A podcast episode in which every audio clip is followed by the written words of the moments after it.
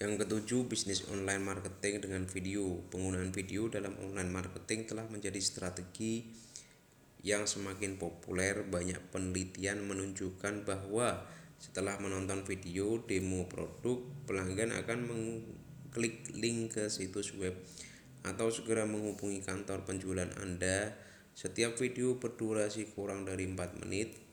Namun, informasi yang ditampilkan cukup lengkap mengenai produk tersebut seperti fitur, penggunaan garansi, pengiriman, kontak informasi, situs web, dan lain-lain.